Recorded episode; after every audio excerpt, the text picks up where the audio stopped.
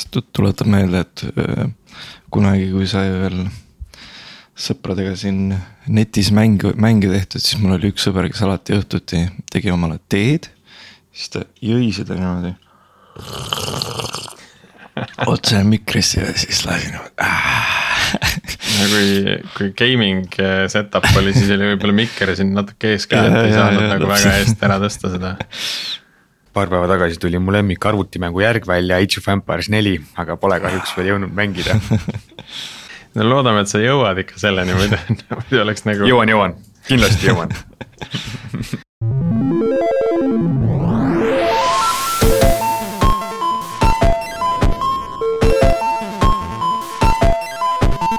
tere taas Algorütmi kuulama, on üheteistkümnes november ja eetris on meie saja viies episood. mina olen Priit Liivak Nortalist ja koos minuga on salvestamas Martin Kapp Pipedrive'ist. täna on meil külas äh, taas Kristjan Korjus Paktumist, kellega räägime, mida Paktum vahepeal saavutanud on ja kuidas nende platvorm arenenud on.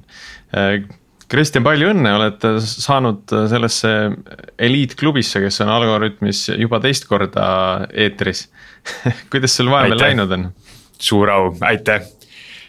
kuule, väga hästi, tänan küsimust. Äh, kõik on noh, kui ma alustasin selle startup'iga ja kui me kõik alustasime, siis. ma olen nagu sihuke ratsionaalne inimene ikkagi ja, ja siis ma ikka eeldasin, et noh varsti on nagu põhjaminek ja tavaliselt ei õnnestu ja, ja olime valmis. ja ei ole ka nagu väga siuksed ameerikla-, ei ole liiga ameerikalikud, kes liiga palju võib-olla üle lubavad. ja siis on juhtunud olukord, kus me oleme nagu ikka üritanud kõvasti üle lubada investoritele ja niimoodi, aga tundub, et meil läheb ikkagi praegu paremini. kui meie kõige hullemad lubadused kunagi on olnud. et, et väga eestlaslik, et, et tõesti turg tundub endiselt ülisuur. me oleme ühe huvitava avastuse teinud, et, et lepingud mitte ei ole ainult ettevõtetel nagu käibega seotud, vaid nad on osadel ettevõtetel peaaegu topeltkäibekogus, et põhimõtteliselt sul on lepingud kogu sisse tuleva raha jaoks, aga sul on lepingud ka kogu välja minema raha jaoks. niimoodi, et mm. -hmm. võtaks teise me, poole ka. jah, ja me võtamegi osadel, osasid use case ühtepidi, osasid teistpidi. ja siis nüüd hakkab juba naljatades tunduma niimoodi, et meie turg on nagu, nagu poolteist korda maailma GDP või midagi taolist. et, et see on nagu üks asi on startup'il paigas ambitsioon on suur ja turg on suur. ja teine võib-olla kõige tähtsam asi startup'i jaoks on kasv ja nüüd me oleme siis natuke rohkem kui kaks aastat vanad, ehk siis kolmas kalendriaasta läheb. ja tundub, et iga aasta suudame, oleme praegu kasvanud rohkem kui kümme korda käibes. ja täiesti nüüd järgmine aasta lähme siis juba miljoneid püüdma ja, ja tundub, et võib-olla suudame ikkagi kümnekordselt veel kasvada käibes. et, et tõesti nagu toimib ja, ja seda näitab ka see, et me oleme näiteks täna hetkel täiesti automaatsete läbirääkimistega äh, laivis äh, nelja äh, Fortune five hundred ettevõttega. ehk awesome. siis nagu neli kuulsat ettevõtet äh,, kellest ma kolme võin ka nimetada, üks on Walmart, üks on maailma suurim logistikaettevõte Maersk ja siis Vesco, mis on sihukene Bauhofi sarnane äh, äh, retail ettevõte ka, kakskümmend miljardit käibega ja, ja ühte ma ei saa nimetada. Ja siis meil tegelikult on veel neli äh, Fortune five hundred'it äh, allkirjastatud juba ja mingi kakskümmend tükki veel äh, pipeline'is. ja võib-olla üks suurimaid probleeme on hoopiski inimeste kasvatamine, et aasta tagasi meil oli umbes kümme töötajat, nüüd on nelikümmend viis. Äh, ja.... aga siis kasvab ju hästi, siis ei ole probleemi ma usun ei no oleks veel rohkem vaja, et aasta lõpuks vast on kuuskümmend ja järgmine aasta siis sada viiskümmend. kuidas sa näed, väga huvitav kohe see seos selle äri kasvatamise ja, ja tiimide kasvatamise vahel. et kas äh, pigem on vaja inimesi juurde selleks, et saaks veel uh, uusi kliente nii-öelda onboard ida ja pardale tuua uh, või pigem on, on tarvis inimesi ikkagi sinna, sinna tuumiktehnoloogia Äh, edasiarenduse jaoks? Äh, tead, täiesti vastus on, et mõlemat. et väga pikalt, äh, me oleme väga sellise lean startup mindset'iga, ehk siis väga alguses me ei pannud tehnoloogiale üldse rõhku. meil oli müük ja, ja toode ja, ja, ja kliendiga suhtlus. ja, ja isegi kui me juba esimeste klientidega hakkasime nagu käivet looma, isegi siis ei olnud tehnoloogial nagu suur rõhk, sest sa said nagu inimestega ära häkkida igasugused jamad seal ja vahet ei olnud, et natuke halvem oli arendada mingeid asju, noh, said hakkama. aga nüüd, kus projekte ja asju tuleb rohkem ja läheb keerulisemaks, on järjest rohkem saanud nagu tehnoloogia tähtsamale tasemele äh, aga eks siis mõlemat, uute klientidega nendest, nende mõistmist, nende onboard imist, nende laiendamist. ja siis äh, tehnoloogia arendamist, et oleks võimalik üldse kiiresti ja lihtsalt äh, uute läbirääkimistega, läbirääkimistega laivi minna. Aga kas äh, tiimi suure kasvamisega sul ähm, oled sa märganud ka kultuurilisi erinevusi, mis on siis nüüd ütleme aasta tagasi, kus oli ainult kümme inimest, eks ole nüüd on äh, nelikümmend viis, sa ütlesid, on ju. ja mhm. kas, kas need nelikümmend viis on teil täna enam-vähem ühes kohas või te olete ka võtnud sellise distributed äh, töö, et kuskilt välismaalt kedagi pardale toonud? Jah, mul on, äh, tundub, et mu kõik vastused on igavad, ma ütlen jälle mõlemat et põhimõtteliselt pool ettevõttest on Tallinnas ja kontoris ja, ja põhimõtteliselt kõik, kes Eestis töötavad, käivad aeg-ajalt vähemalt kontoris, isegi kui nad on nagu remote umbes poole ajast. Ja pool ettevõttest on siis äh, rahvusvaheline, enamik Ameerikas, aga igal pool mujal ka, Brasiilias, Šveitsis, Amsterdamis äh,, Inglismaal ja nii edasi.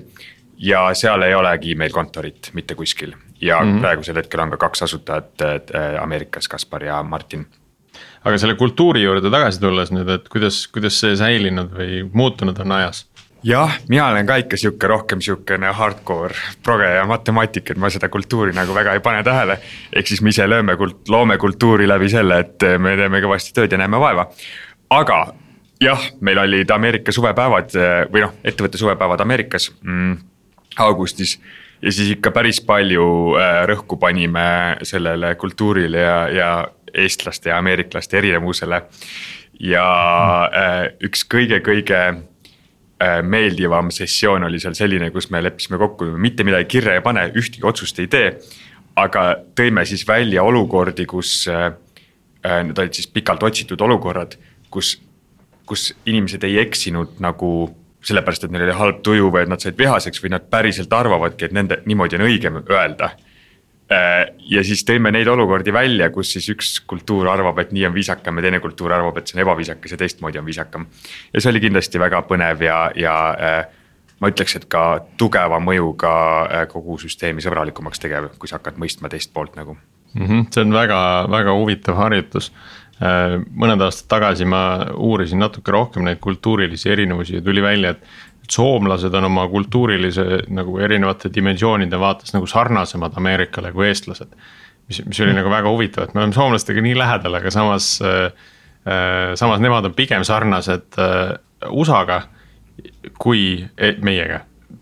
jah, minule see ei tundu nii imelik, äh, mina vaataks seda rohkem nagu, kui kaua sa oled olnud nagu sihukeses lääne neoliberalistlikus ühiskonnas, et kui, kui läänelik sa oled võrreldes jah, kui ütleme siis selles vanas süsteemist, kust meie tuleme. sa nüüd rääkisid, et põhimõtteliselt on pardal tulnud veel kaks Valmarti, kolm Valmarti. Et, et, et suuri on palju, aga ma mäletan, me eelmine kord rääkisime, siis me tegime nalja ka selle üle, et, et ühel hetkel hakkavad siis äh, bot'id bot'idega läbirääkimisi pidama, et kas on tulnud ka seda siis ette juba, et. et teil on portfellis kaks klienti, kes äh, mõlemad peavad nii-öelda teineteisega läbirääkimisi ja tahaks, tahaks panna nagu äh, bot A bot'i B-ga kokku ja et rääkige omavahel mm.. jah, et päris nii see plaanis ei olnud, et kaks meie klienti on, aga tõesti äh mõtlesin lennukalt ja oleme seda meediale ikka rääkinud ja investoritele, tuleb, arvasime, et liialdame.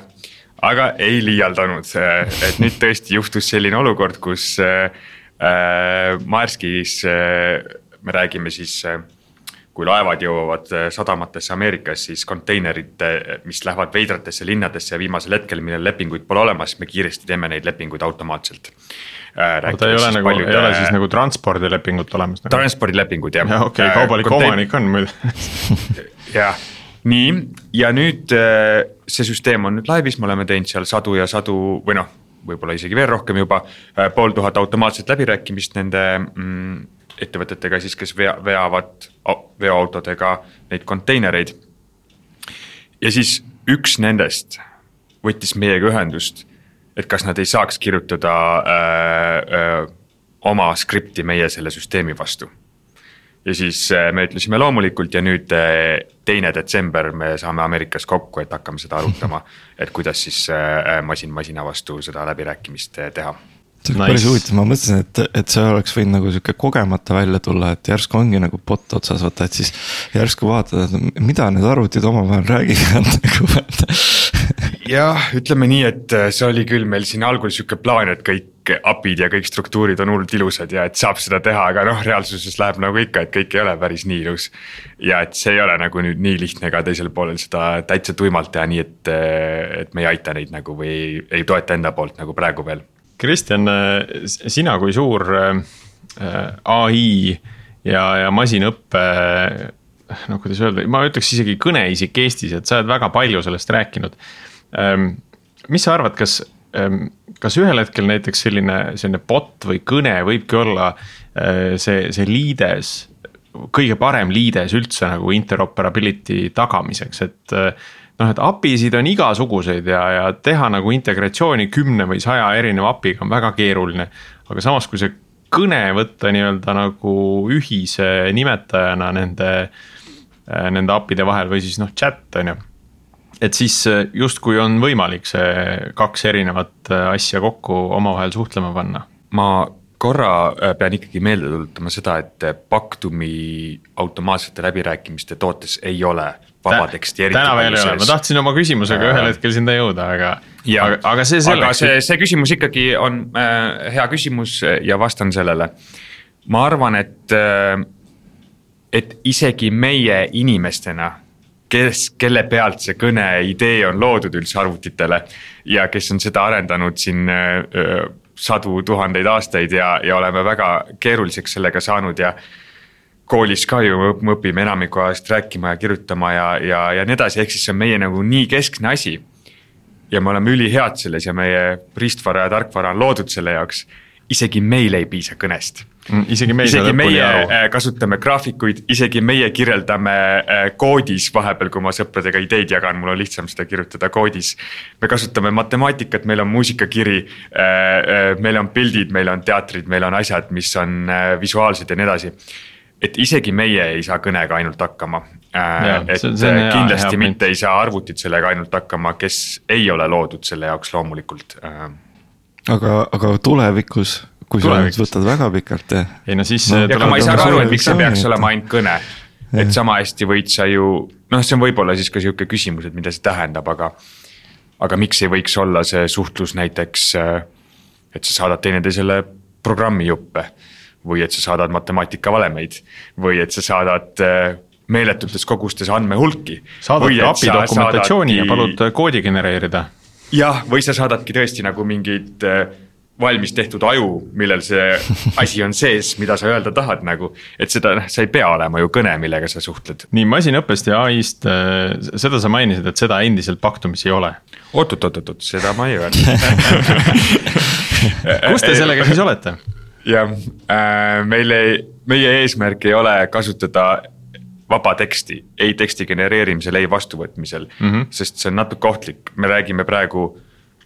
meie suurim leping, mis me oleme automaatselt bot'i, bot on läbi rääkinud, on neli miljonit väärtuses äh, lepingut ja me ei saa seal nagu avatud ruumis mingeid imelikke asju teha.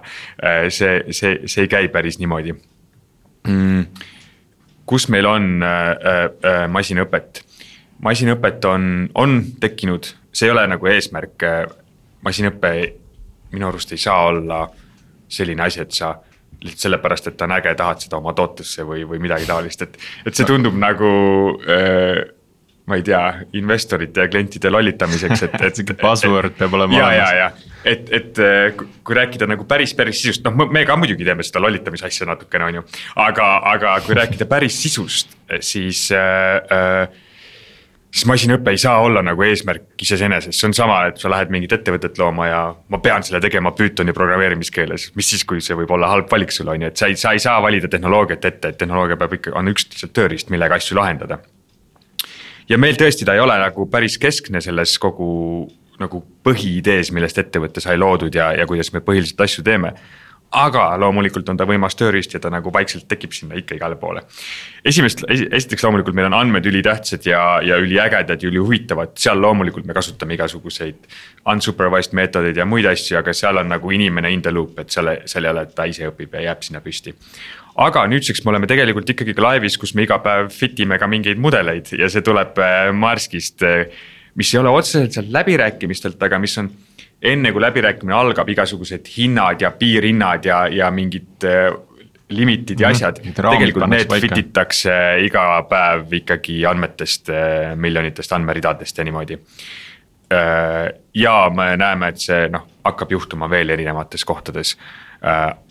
jah, et, et ta nagu sobib sinna mingites kohtades loomulikult, aga, aga see ei ole nagu see päris keskne core arhitektuur meie asjast ei, ei oma seda nagu et see masinõpe tundub ikkagi läbivalt tegelikult selline asi, kus on nagu ütleme, nagu tegu mingit sorti analüütikaga või mingi analüüsiga, eks ole, et kus.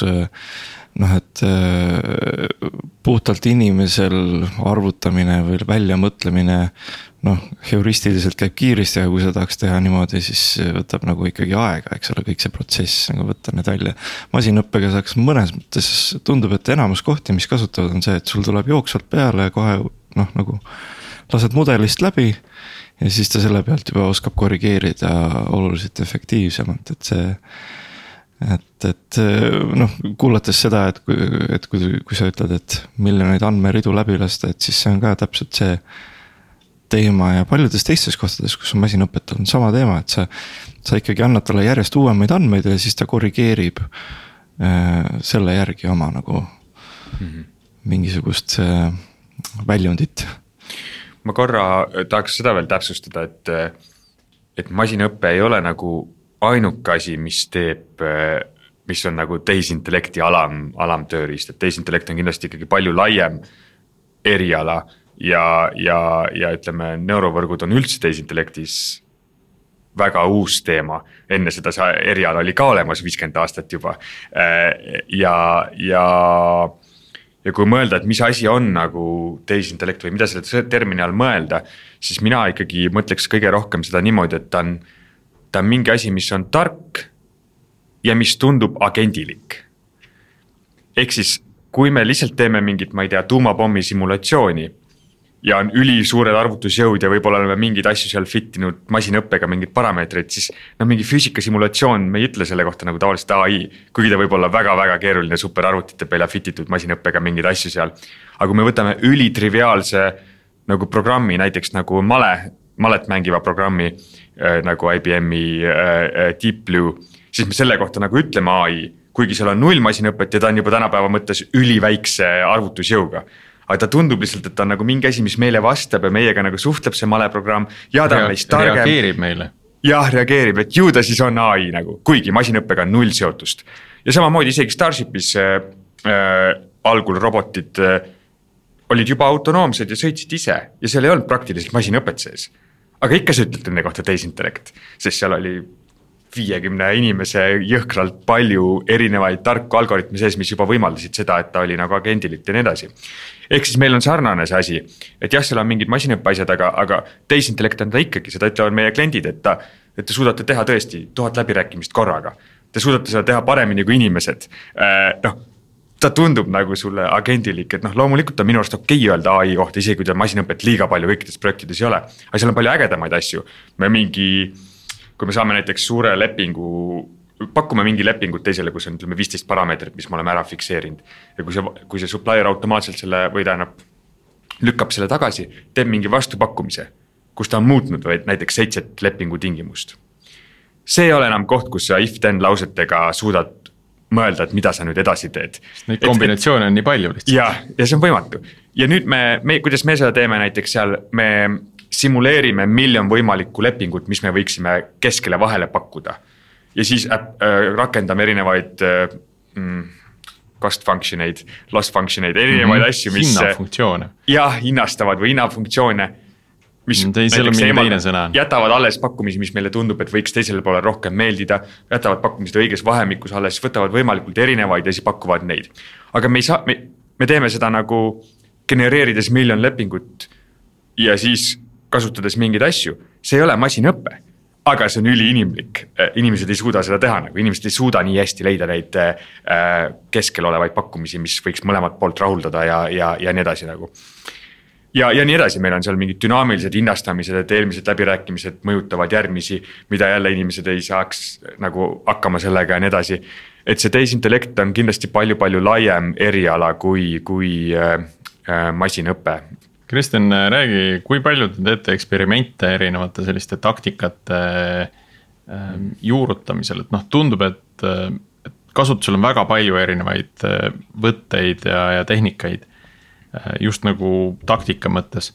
et ja, ja ilmselt tekib ka üsna palju ideid, et kuidas seda veel võiks teha, aga kui palju te saate eksperimenteerida mingite uute, uute algoritmidega, uute lähenemistega?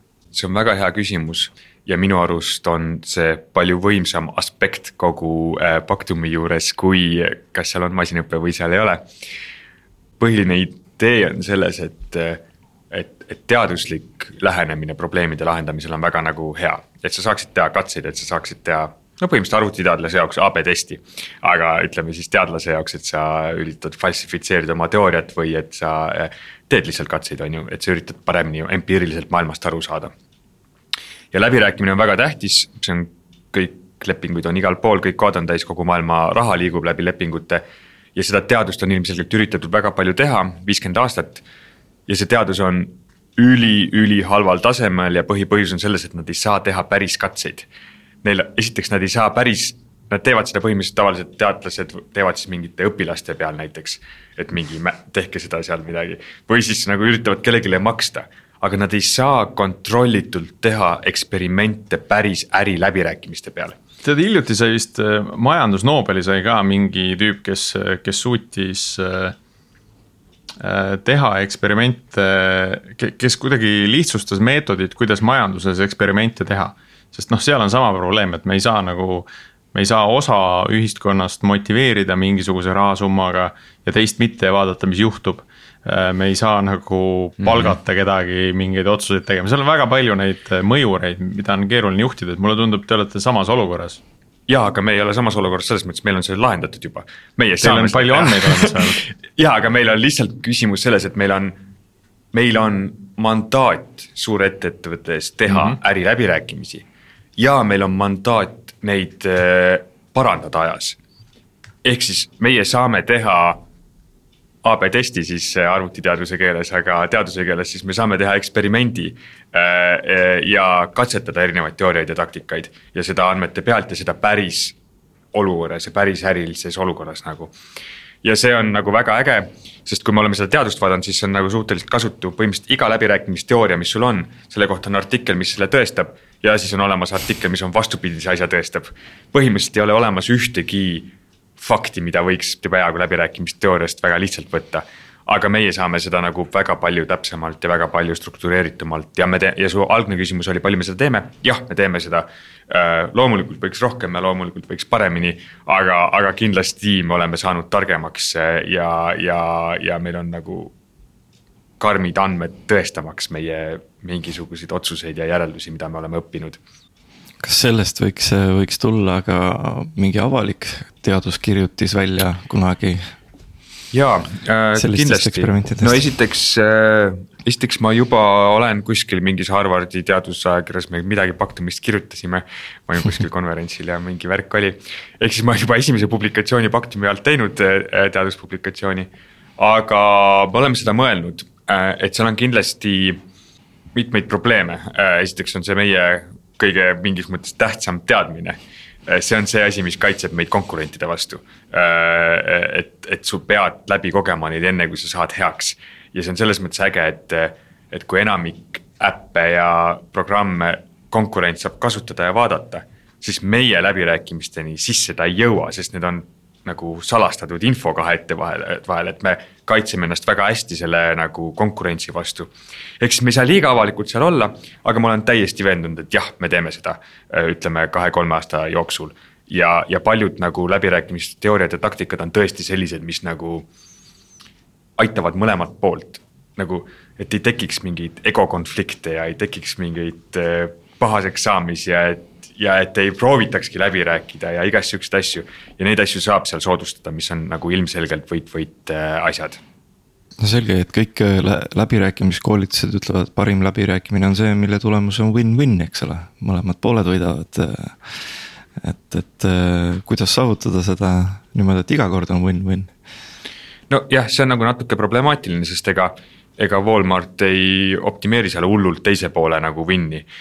et, et lihtsalt see teise poole win on rohkem nagu, kuidas eesti keeles või by-product või, või mis käib mm, sellega kaasas. kõrvalsaadus. kõrvalsaadus, et kui sa ei, kui sa, sa ei saa lihtsalt lepingut endale paremaks teha väga lihtsalt, noh, okei okay,, natuke saad ähvardad teda. aga pärast seda, kui sa tahad veel natuke saada, sa ei saa, sa pead millegi vastu vahetama. ja kui teine pool on selle vahetusega nõus siis ju sul läks ka tal paremaks. aga noh, see ei ole see, mida sa tegelikult nagu kõige rohkem hoolid, sa hoolid enda heaolust eh, ja, ja see ongi võib-olla nagu tore aspekt läbirääkimiste juures, et läbirääkimised ei eelda usaldust näiteks väga palju. sa võid teada, et teine pool võib bluffida.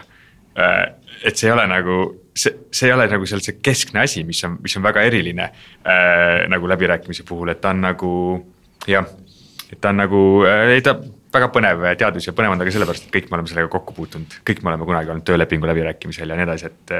et, et see on väga-väga inimlik asi ja me teame, mida see tähendab. räägime tehnoloogiast ka veel natukene. et vot ma ei teagi, võtame selle lihtsama küsimuse, et, et eelmine, eelmine aasta, natuke rohkem kui aasta tagasi sa rääkisid, et te olete loonud kolm programmeerimiskeelt, mis kõik läksid aia taha ja lõpetasite ühe, ühe graafilise lahenduse peal. kus, kus te täna olete, et kas see graafiline lahendus on alles? olete te veel loonud mõne programmeerimiskeele? mis, mis seal vallas toimub? jah äh,. oi, see oli nii raske kohe ütleme nii, et see on väga-väga keeruline olukord äh,. Starshipis me tegime isejuhtivaid roboteid, kes peavad oskama äh, tavamaailmas suvalises olukorras nagu hakkama saama ja mul ei olnud kunagi seal tunnet, et ma ei tea, mida ma järgmisena teen või et mul ei ole roadmap'i või mul ei ole plaani. siin on olukord palju keerulisem ja see on palju äh,, millegipärast on, on see tehniliselt väga raske äh,. ja mul on isegi raske täpselt aru saada, miks see raske on äh,, aga me ei ole kindlasti seal kohas, kus me teaksime, et, et, et see on see viis, kuidas neid asju teha ja. sa ei leia struktuuri ka..., kuidas neid, kuidas neid läbirääkimisi kirjeldada, sellise. jah, aga ma olen jõudnud järjest rohkem selleni, et see ei ole tegelikult läbirääkimiste spetsiifika, see on midagi palju võimsamat. Äh, et põhimõtteliselt, kui mult on küsitud Pactumi kohta pikalt, et miks just nüüd Pactum, Pactum ei kasuta mingeid tänapäeva uusi tehnoloogiaid, et miks Pactum ei tehtud kümme aastat tagasi või kakskümmend aastat tagasi ja me oleme kogu aeg ei osanud nagu täpselt vastata, bluffisime mingi chatbot'i juttu, et inimesed on nüüd chatbot idega harjunud, aga ma ei usu, et tegelikult see vastus on. Äh, ja siis ükskord äh, me jõudsime sellesama küsimusega, et kas me ikka kasutame seda graafilist äh, lahendust. jah, me kasutame seda graafilist lahendust, seal on nüüd loomulikult mingid upgrade'id peal, uued versioonid, teistsugused süntaksid automaatsed testimised, mingid debug toolbar'id, noh igast mingit värki, paremad deploymised, äh, unit testimise võimalused. ja nii edasi, nii edasi, et ta on nagu arenenud, kuidas me teda teeme, aga jah, ta on seesama graafiline mm.. ja siis ma, meil oli just äh, Pactumi inseneride päevad, äh, kus ma siis avasin need päevad ja siis seal ma rääkisin sellest, et ma hakkasin nagu ise mõtlema, mida see asi on, mis me teeme ja mingis mõttes tundub, et see on üks uus suur liikumine, mis on no-code, low-code startup'id, mis on ka äh, teie saates räägitud, on ju. seal on samamoodi mingid kastid ja graafikad ja asjad nagu ja seal samamoodi saab kirjutada mingeid lisa, mingi hook'e ja condition eid, kuhu sa lähed ja eelmised asjad saavad mõjutada ja.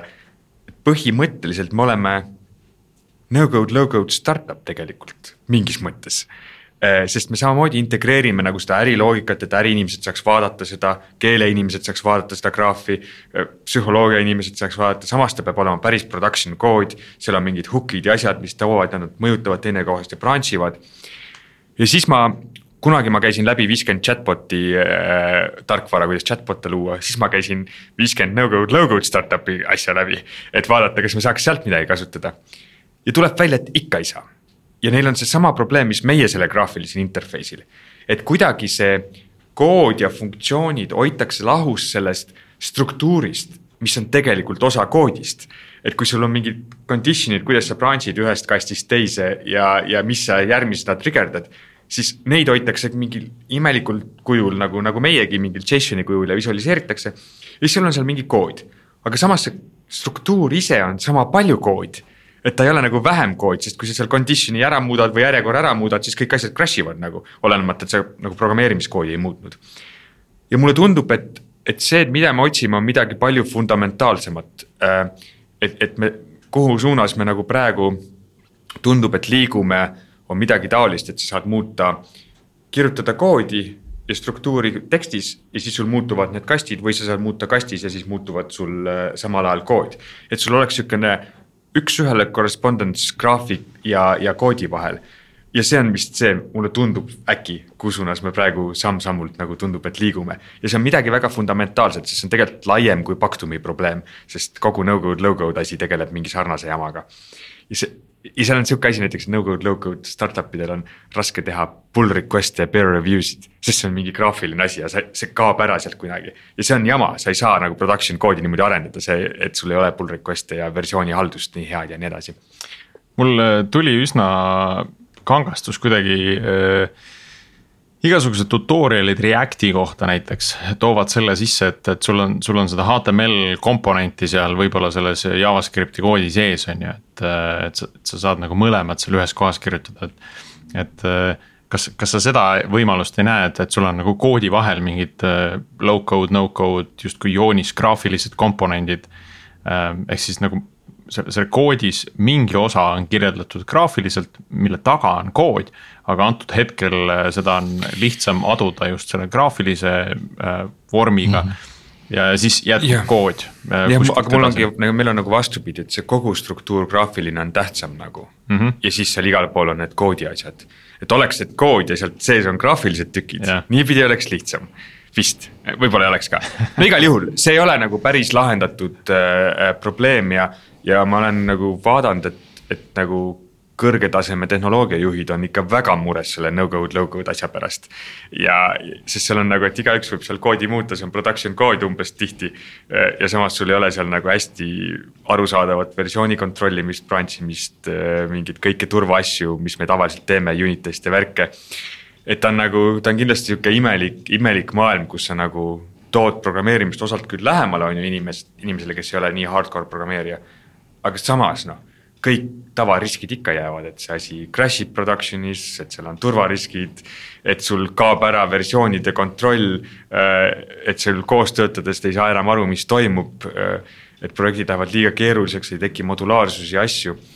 et, et seal on kindlasti nagu mingi fundamentaalseid äh, küsimusi veel lahendada ja, ja, ja me nüüd samm-sammult liigume selle suunas ja need asjad ikkagi arenevad nagu iga nädal, aga ma ei mhm. ütleks, et me meil on kõik hullult selge, mis me teeme, et, et kui on kui kedagi huvitab nagu sihukeste probleemide lahendamine, kus vastuseid ei ole teada kellelgi, siis tulge kindlasti, võtke ühendust.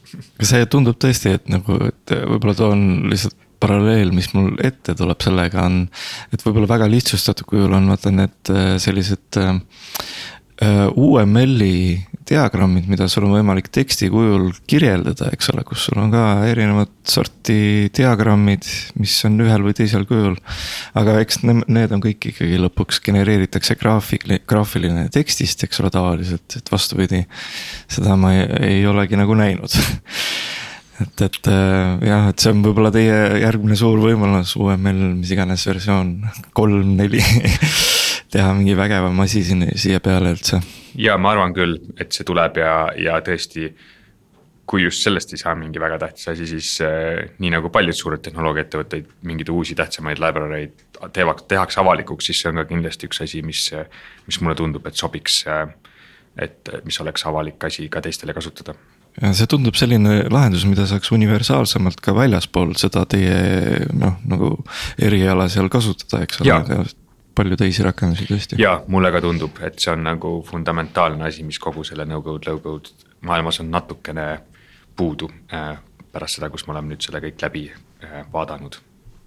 siis äh, edasi hüpates äh, veel üks asi, millega sa meid aasta tagasi jahmatasid, oli see, et väga suur osa sellest platvormi loogikast on ehitatud Google Spreadsheet'i peale. kas Spreadsheets on endiselt kasutusel mis sellest, kuidas see tundub pärast aastat, et kas see halduskeerukus on seal, kas asi on segaseks läinud? töötab ta endiselt sama efektiivselt, mis, mis muljed sellega on olnud mm? -hmm. no ma arvan, et see oli ikkagi geniaalne otsus, et seda nii teha äh,. Oleks... see kõlab nagu, et see oli alguse asi ja nüüd olete juba mujal äh,. aga seesama põhjus, miks ta oli geniaalne siis, kehtib osaliselt ka nüüd, sest me oleme ikkagi läinud nagu rohkem selliseks üldiseks läbirääkimiste ettevõtteks, kes teeb ükskõik mis läbirääkimisi.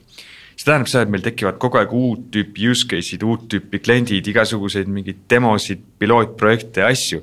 ja seesama, miks ta oli hea siis, on ta nagu hea ka praegu, et sa saad tõesti nagu väga operatiivselt, kiirelt äh,, isegi mitte programmeerijaid kaasates nagu seal ise koos muuta, teha. sul jäävad kõik access'id on korras, versioonihaldused ja nii edasi või noh, versiooni ajalugu siis. ja et ta tõesti sobib sinna endiselt ja noh, kasvõi sealsamas, kuidas ma seda nagu loon neid asju. ta nagu ikkagi nagu nii mugav ja lihtne, et ma võin nagu, ma aeg-ajalt teen oma äh, seitsmeaastasele tütrele mingeid äh, chatbot'e, mis talle siis äh, caps lock'is räägivad temaga juttu ja teevad mingit nalja. ja see on nagu tõesti nii lihtne, et mul on nagu seda ülilihtne sinna teha nagu. samas nüüd, kus meil on mõned äh, kliendisuhted võimsamaks läinud, mõned kohad, kus meil on tuhandeid läbirääkimisi ja võib-olla juba kümnes versioon sellest samast läbirääkimisest ja. ja lepinguruum muutub ajas ja, ja, ja tulevad erandeid juurde ja muutuvad ettevõtte strateegia ehk siis see väärtusfunktsioon, mida me optimeerime. ja see ajas muutub ja areneb, tekivad erinevad asjad, no läheb käest ära mm. -hmm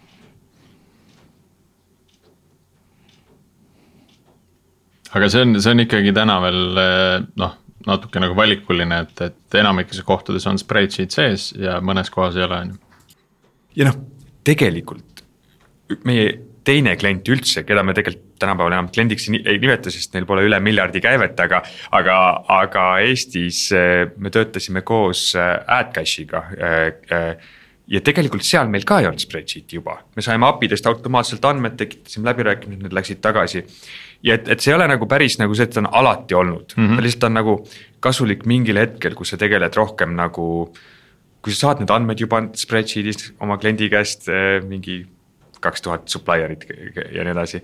kui sa tegeled äri ja finantsinimestega ja nii edasi, et ta on nagu, tal on nagu mingi koht, kus ta nagu sobib hästi äh, äh, mingis faasis äh,, jah. aga räägi korra korra üle ka see, et kuidas see protsess siis välja nägi, et just nagu tehnilises vaates, et sul oli. andmed olid Excelis, mitte Excelis, aga noh, selles spreadsheet'is, seal oli siis mingi automation'i skript, mis äh, trigerdas äh, selle äh, nii-öelda paigaldusprotsessi või, või et kuidas jah, võiks öelda küll, et ta äh, trigerdab äh, jah, et seal Excelis oli siis tõesti, ütleme võib-olla ETL skript on hea selle kohta öelda et oli tehtud sihuke menüü asi, back to scripts, vajutad seda ja siis paned upload ja siis ta tegi sellest struktuurist äh, JSON-i ja pani äh, õigesse kohta. Mhm, et, et otse nagu noh, sinna, sinna nagu selle, selle spreadsheet'iga sellist nagu interaktiivset pidevat ei. suhtlust nagu ei olnudki, et see oligi selline lihtsalt vaheliides, et kuidas. jah, ja tegelikult ongi halb öelda, et me oleme spreadsheet'i kasutanud production'is, sest tegelikult ta pole kunagi olnud production'is, ta on alati olnud mm. -hmm andmete sisestamise viis. ja production ei ole kunagi pärinud midagi spreadsheet'i vastu või midagi taolist, et selles mõttes võib-olla see oli ka natukene äh, liialdus. et ta on nagu mingis mõttes andmete sisestamise viis äh..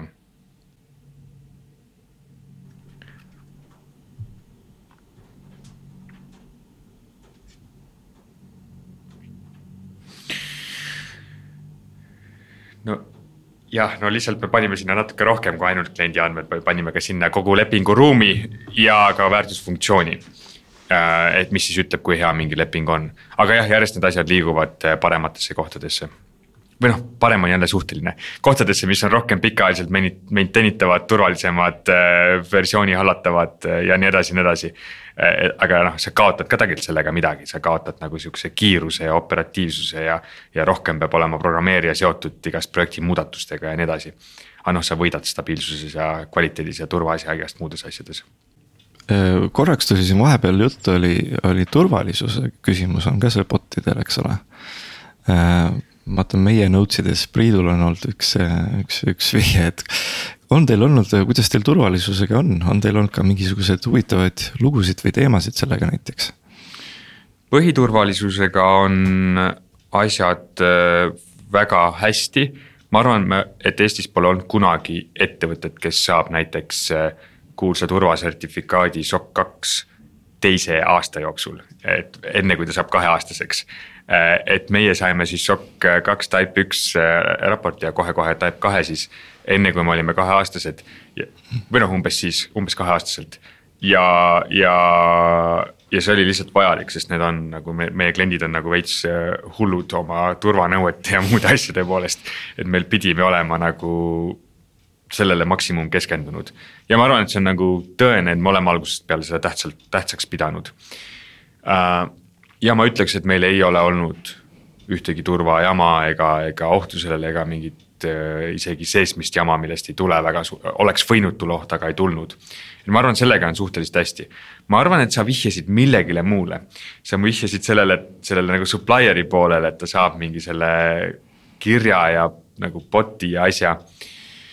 ma ei tea, mul ei tule praegu ette ühtegi äh, suuremat äh, või isegi naljakamat lugu et see on nagu ikkagi suht nagu lihtne, mis me teeme äh, selles mõttes, et et, et see läbirääkimise osa on raske, aga lõpuks see, kuna meie see lõpp, lõpptarbija võib-olla kasutab ühe korra elus meie toodet. et seda läbirääkimist, see peab olema nii lihtne, saab mingi lingi, ta klikib sinna, ta teeb seal asju, chat ib veits aega. ja noh, ongi nagu kõik, et seal ei olegi nagu, see on nagu päriselus läbirääkimine, et, et et sul lihtsalt mingi Walmarti töötaja kas kirjutab sulle või helistab sulle, sa räägid pool tundi ja ongi korras, rohkem ei ole mitte midagi. ja, ja, ja, ja meil on nagu sarnane äh,, jah ma mõtlen just seda, et ka, et tõesti, et, et kas seda noh, et visuaalset keelt ja, ja seda loogikat, et kas seda saaks ka kasutada mõne, mõnel puhul nagu sihuke nagu. siis võib-olla nagu, võib-olla veidikene nagu kurjasti ära või kuidagi niimoodi ka, et. küsid, küsida mingisuguseid teatud küsimusi, mida võib-olla üldse ei peaks küsima või, või Äh, ma ei oskagi võib-olla oma mõtet väljendada praegu. nojah, meil on jällegi see, et meie, me ei esinda enda huve. iga läbirääkimine, mis juhtub, kogu tekst on meie kliendile nähtav ja sealt paljudele inimestele ja, ja, ja et, et seal on nagu ja me kasutame meie kliendi emaili aadressit, kust kaudu me välja saadame, et meil ei ole võimalik seda kuidagi endale salajas hoida, mis seal juhtub või midagi taolist. et, et põhimõtteliselt ma arvan, et ikkagi see imelike küsimuste küsimine ja, ja mitte ebaseaduslike asjade tegemine nagu väheneb ikkagi hüppeliselt. et proovi auditeerida mingit inimest, kes helistab mingile teisele inimesele, kes võib-olla ta sõber ja siis saab mingi auto vastu, annab talle parema lepingu Walmarti vastu. või just on vihavaenlane, et oleks pidanud või tal on halb tuju või ta on lihtsalt mida iganes äh, rassist või halvas tujus või mingi muu asi, on ju. et, et, et seda auditeerida on ikka nagu kõvasti-kõvasti raskem kui äh, seda meie asja, mis neil on kogu access kõigele olemas. et ma arvan, see on üks põhjus pigem, miks nad, miks me neile meeldime. Ja no eks suurtel firmadel endal ju seda huvi ei ole, eks ole, et kui sihukene asi peaks välja tulema, et, et Walmart hakkab küsima järsku mingeid veidraid küsimusi, eks ole, et see on ikka, ikka jah, et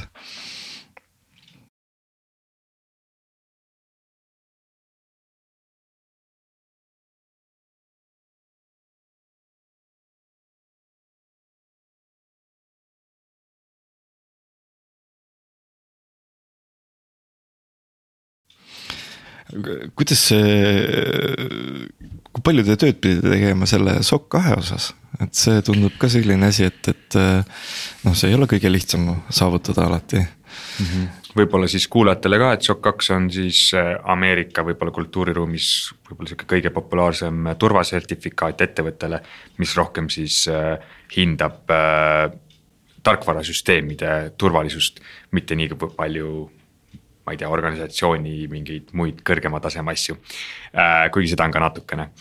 ja SOC kaks on siis äh, seal võib-olla kõige rohkem kasutusel olev asi mm,. ja me kasutasime selle jaoks äh, tarkvara Secure Frame, mis on väga varajases faasis ja veits kahtlane, aga äh, tundub, et ikkagi oli päris hea.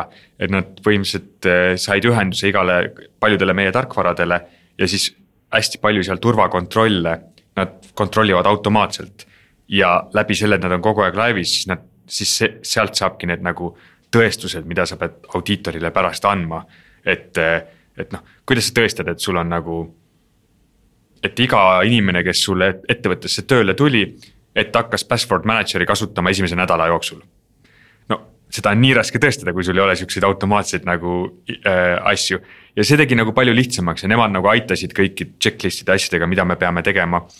Ja siis me noh, palkasime ka äh, head of, ei, security and compliance manager'i äh,, Markus Anvelt ja ja tema siis sellega tegeles koostöös siis selle ettevõttega, kellelt me ostsime seda tarkvara kuigi see tarkvara oli nii õhuke, et nad tegid ka palju asju inimestega. Äh, aga igal juhul koos nendega see läks ikkagi väga-väga libedalt. Et ma arvan, et inseneride aega, et lisaasju teha, oli see ainult nagu, ma ei tea, kolm inimtöökuud võib-olla kokku, mis on nagu suhteliselt vähe mm, et parandada süsteeme, aga me olime algusest peale juba nagu mõistlikud, meil oli nagu Kotlini peal kogu asi üles ehitatud, mis on juba nagu ütleme Java raamistikus, mida kasutavad ka pangad ja mida iganes muud asjad. et see nagu vaikimisi asjad olid juba väga head ja Google äh, Cloud on vaikimisi suhteliselt mõistlik. ja, ja et see kõik asjad olid juba meil väga korralikud algusest peale. Juba puhtalt nende valikutega ja muidugi need valikud olid ka selle järgi tehtud, et me teadsime, et me peame need olema, et me, me, ma, ma oleks ise eelistanud ka mingit Pythonis häkkima hakata kogu tarkvara äh, aga, aga ma teadsin, et kogu see jama tuleb varsti, sest meil on need suured kliendid ja tähtsad andmed, et, et siis pidi nagu tegema selle ohverduse, et me oleme natukene aeglasemad, aga nagu korralikumad. sa ütlesid, et sulle Kotlin on äh, hakanud meeldima, kui sa eelmine kord meil rääkisid. Kas, kas Kotlin endiselt meeldib ja meeldib nüüd rohkem kui varem mm,? kahjuks mina ise enam Kotliniga ei tegele, sest mul ei ole olnud enam aega. Äh, aga mulle tundub küll, et Kotlin on meeldiv ja ma arvan, et see valik on endiselt hea ja ta on endiselt kasvav ja, ja, ja tugev keel ja. ja et kui on vähegi sihukene nagu turvalisust ja pikaajalist arengut vajav projekt, siis ma arvan, ma soovitaks seda küll äh,. Äh, jah, et tundub eh, igati rahul jah kui sa nüüd, äh, me tänase, tänase episoodi aeg hakkab ühele poole ka jooksma, et kas, kas on veel mõni teema, mida, mida me täna ei puudutanud, millest sa kindlasti rääkida tahaksid? üks asi on küll, mis ma olen avastanud, äh, mis on jälle noh, mida erilisemat asja teha nagu, mida rohkem sa teed ettevõtet, mida keegi kunagi varem pole teinud, siis noh, üks on see core asi, see core nagu IP, mida sa selle käigus lood. Aga selle käigus kõik nagu muud toetavad asjad peavad ka olema natuke teistmoodi tehtud. ja üks asi, mis mulle tekitab suurt segadust ja, ja kus mulle tundub, et me ka jõuame mingit uut tüüpi lahendusteni, on andmeladu.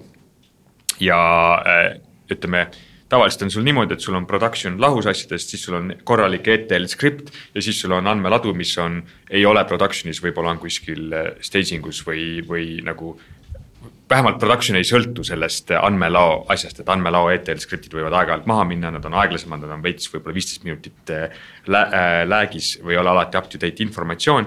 ja see on nagu standardasi, kuidas andmeladu tehakse, see on väga väärtuslik. ja ma olen seda muudes ettevõtetes ka näinud ja Starshipis ka, et tihti juhtub niimoodi, et production tüübid tahavad ka reaalaja andmete pealt mingeid graafikuid ja meetrikaid. ja nüüd nad saavad mingid numbrid ja siis andmelao numbrid on alati nagu õigemini filtreeritud, puhtamad, ilusamad, sest sellega nähakse kogu aeg vaeva. samas nad on aeg-ajalt maas ja nad on aeg-ajalt delays, et nad on nagu viisteist, noh viisteist minutit nagu hiljemad. ja sul tekib sihukene veider olukord, et sul on nagu kaks täiesti erinevate nagu süsteemidega nagu mingit asja tehtud. ja siis, kui sa transformeerid neid production andmeid sihukeseks, et sa saad neid graafikuid teha, siis sa nagu replikeerid neid transformatsioone eri kohtades.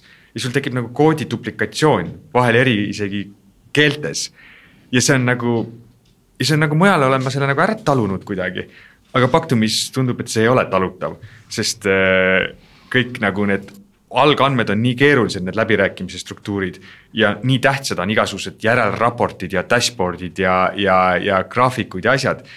ja nüüd ma tahaks neid asju kokku panna, mis on siis production'is igast raportite ja dashboard'ide tegemine et enne seda tekib sul mingisugune ETL või mingi, me, me kutsume seda seesmiselt praegu business transform'iks. et meil on mingi transformatsioon, mis andmed teeb lihtsale kujule, pärast mida kasutatakse neid production'is dashboard'ide ja raportite jaoks ja ETL-i jaoks, et me ei peaks seda koodi asja topelt haldama. ja see asi tundub mulle olevat natukene uus ja ma pole piisavalt palju näinud, et selle kohta oleks üldse midagi kirjutatud.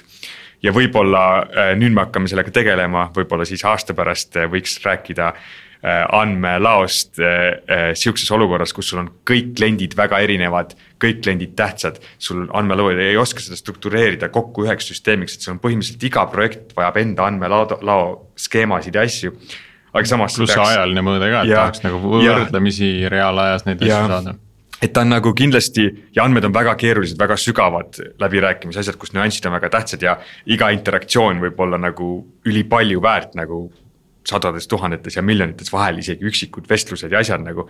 et ta nagu, ta nagu kindlasti väga teistmoodi, kui ta standard andmelao eitamine on. Äh, ja kogu andmeanalüüside tegemine ja kogu seal asjade targemaks saamine ja me alles alustame seda, see meeskond on nüüd alles kasvama hakanud, tegelikult on meil praegu seal üks. Äh, kohe varsti ma loodan, et on viis, et see on koht, kuhu me kõige rohkem ilmselt värbame inimesi, andmeteadused, andmelao inimesed, andmeanalüütikud. ja seal on, ma arvan, palju ka innovatsiooni ees, mida ma ei oska veel ette täpselt näha, aga, aga midagi on seal jälle teistmoodi kui, kui eelmistes kõikides kohtades, kus ma töötanud olen ja mida ma lugenud olen maailmast kõlab nagu, et äh, siia võiks üks hetk äh, Kafka mängu tulla jah, ei ma olen Kafkat kasutanud ja ma mõistan, mis see on, aga, aga äh,, aga jah, ma praegu ei tundu. Aga võib-olla siis järgmine episood, äkki aasta pärast me oleme jõudnud ja, mingi valgustuseni. siis saame rääkida sellest, et mis, mis sinna siis päriselt jõudis, mis siis päriselt ära tehti. jah. ja kuidas see probleem lahendati, aga Kristjan, aitäh tulemast taas, äh, oli, oli väga huvitav äh, episood. Äh, ma vabandan, ma siin lõpus natukene vajusin kuskile kõrvale, siin on üks intsident oh., millega juhtus ka minul, ma mäletan, Martinil oli esimene episood, mis ta salvestas.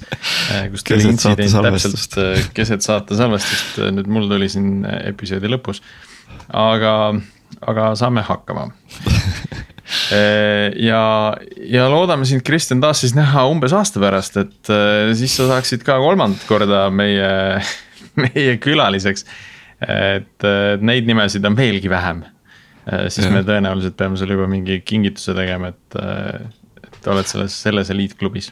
aga see oleks väga äge selles mõttes, et äh, tore on näha ka siis nagu seda Pactumi progressi ajas, eks ole.